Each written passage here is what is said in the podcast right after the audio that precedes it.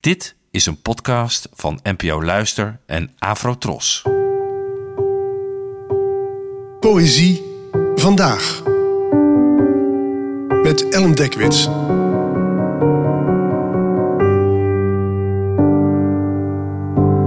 Hallo, fijn dat je luistert.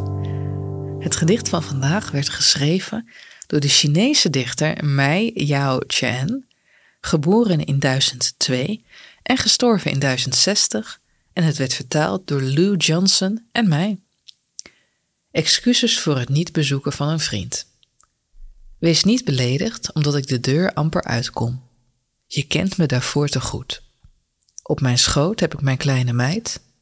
Op mijn knieën staat mijn knappe kleine zoon. Eentje is net begonnen met praten. De ander babbelt onophoudelijk. Ze hangen aan mijn kleren en volgen al mijn stappen.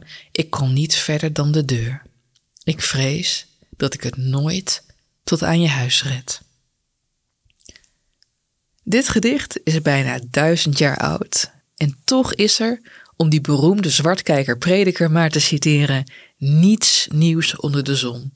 Althans, niet wat betreft het aloude verschijnsel dat je sociale leven soms tijdelijk kan instorten wanneer je jonge kinderen hebt.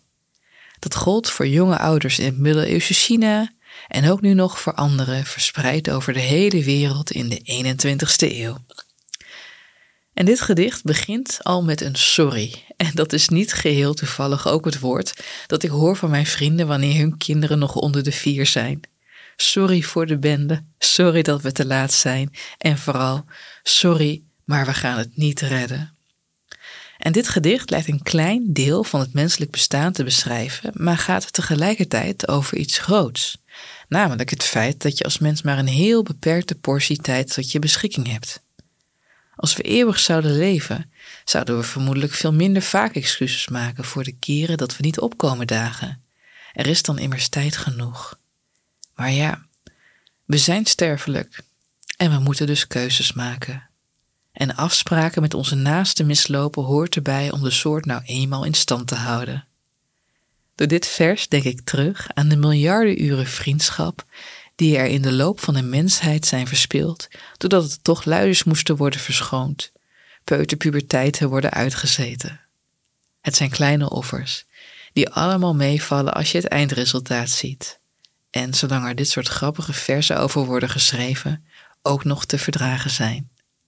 Bedankt voor het luisteren en tot de volgende keer. Afro Tros, de omroep voor ons.